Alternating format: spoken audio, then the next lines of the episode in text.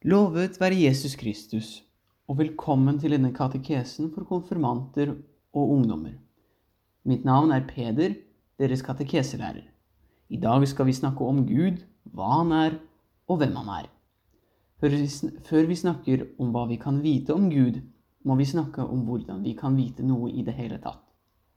Hva er kunnskap, og hvordan anskaffer vi oss den? Hva er sannhet? Er sannhet lik for alle? La oss begynne med å definere kunnskap. Kunnskap må handle om noe, og den må eies av noen. Den er ikke en fysisk ting man kan ta på eller føle.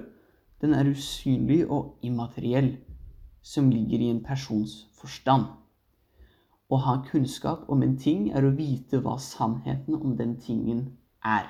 Det er å se den slik den er. Vi kan beskrive virkeligheten som et landskap og forstanden vår som et ark vi skal tegne et kart på. Når vi, oss, når vi tilegner oss kunnskap, fyller vi kartet inn med fjell og daler og viktige landemerker. Hvis tegningen vår er riktig, vet vi bedre hvor vi er, hvor vi skal, og hvordan vi kommer oss dit. Så hvordan fyller man inn dette kartet? Um, hva er veiene til kunnskap? Det er tre.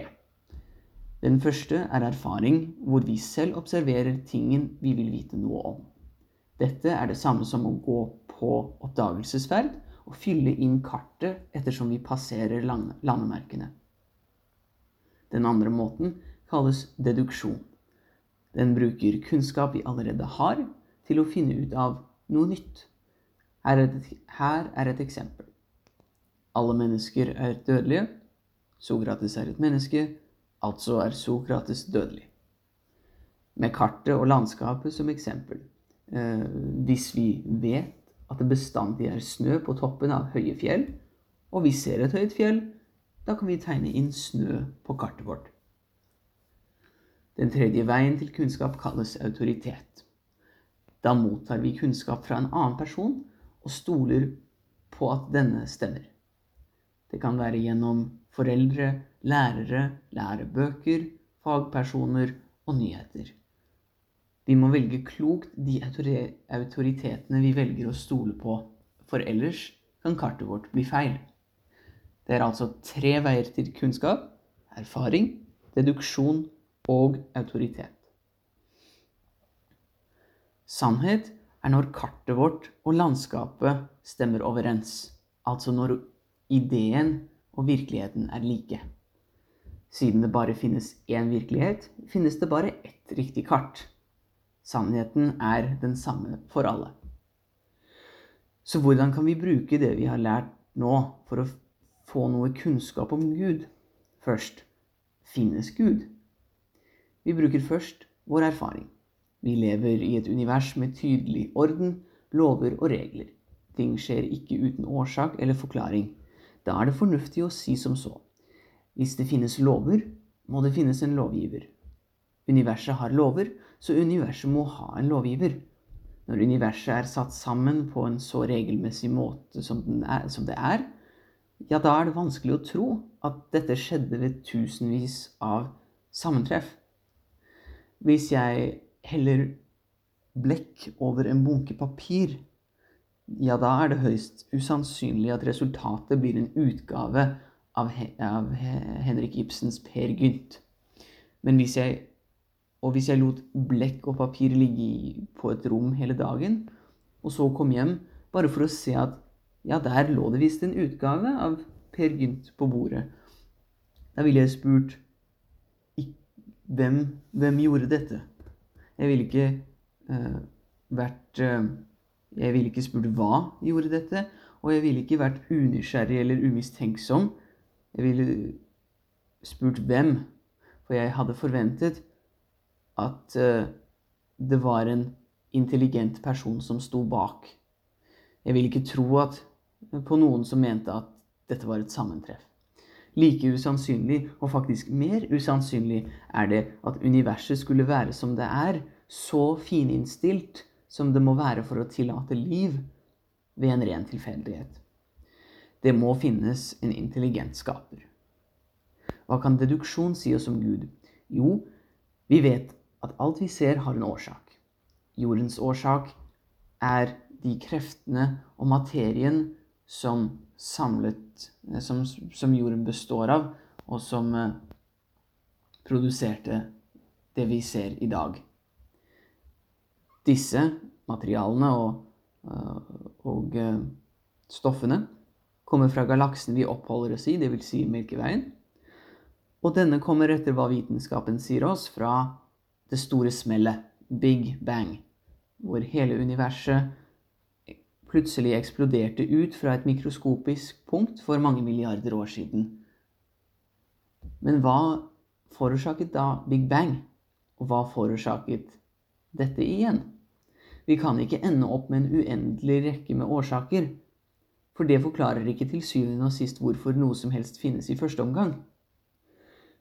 Det må være en første årsak, som ikke selv er skapt eller forårsaket den må ha makt til å forårsake alt, men ingenting kan ha makt til å forårsake den. Vi ser at den første årsak må ha alle de perfeksjonene vi finner i skaperverket. Makt, godhet, intelligens, personlighet osv. Det eneste som passer den beskrivelsen, som ikke har noen mangler, er eksistensen selv. Denne skaperen er altså det det vil si å være. Det er en som eh, kan si om seg selv 'Jeg er den jeg er'. Og forbausende nok har vi ett eksempel på en som har sagt det, nemlig guden som åpenbarte seg for Moses i den brennende busken. Han sa 'Jeg er'. Med dette kommer vi til autoritet. Hvem er det som forteller oss om Gud? Det er faktisk Gud selv som åpenbarer seg selv for oss. Da er han den autoriteten vi lærer fra, og som vi stoler på. Siden Gud er sannheten selv, og siden han vet alt, kan vi stole 100% på at eh, det han forteller oss, er sant.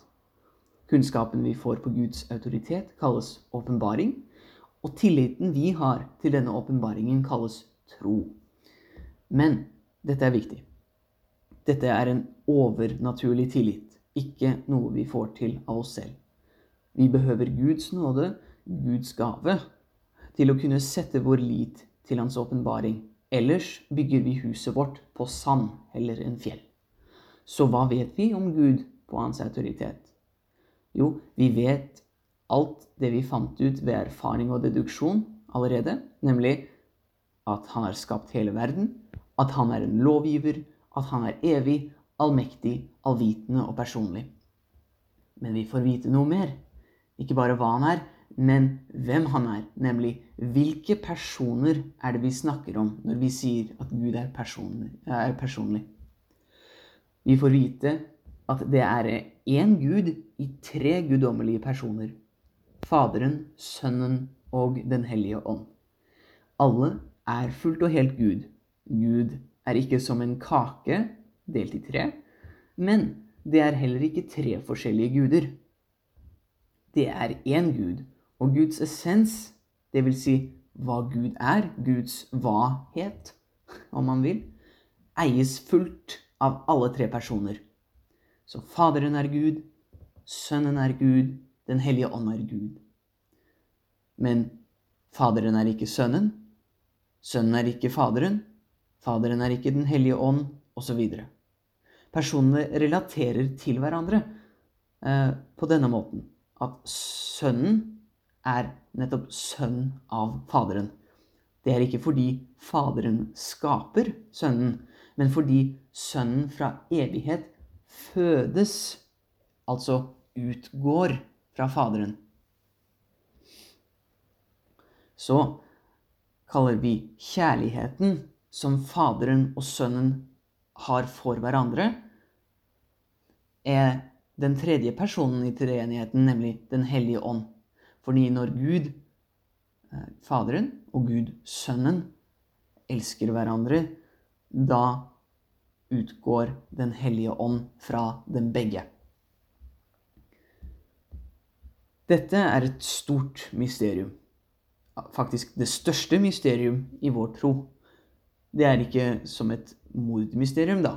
Um, det, er, det, er, ikke sånn at et uh, mysterium uh, som bare er en vanskelig gåte. Nei, dette er et mysterium for oss katolikker. Um, og når vi katolikker snakker om et mysterium, så er det noe vi ikke fullstendig kan begripe ved fornuften, men som Gud inviterer oss inn til, uh, som han vil at vi skal leve ved. At dette handler om ikke bare å kjenne Gud ved forstanden, men å kjenne ham med gjerning, med livet, med kjærligheten. Det er eh, et mysterium som vi inviteres til å hvile i, og be over, og leve ut og delta i, og til å kontemplere. Så da avslutter vi denne katekesen med denne oppfordring. Lev mysteriet om den hellige treenighet. I Faderens og Sønnens og Den hellige ånds navn.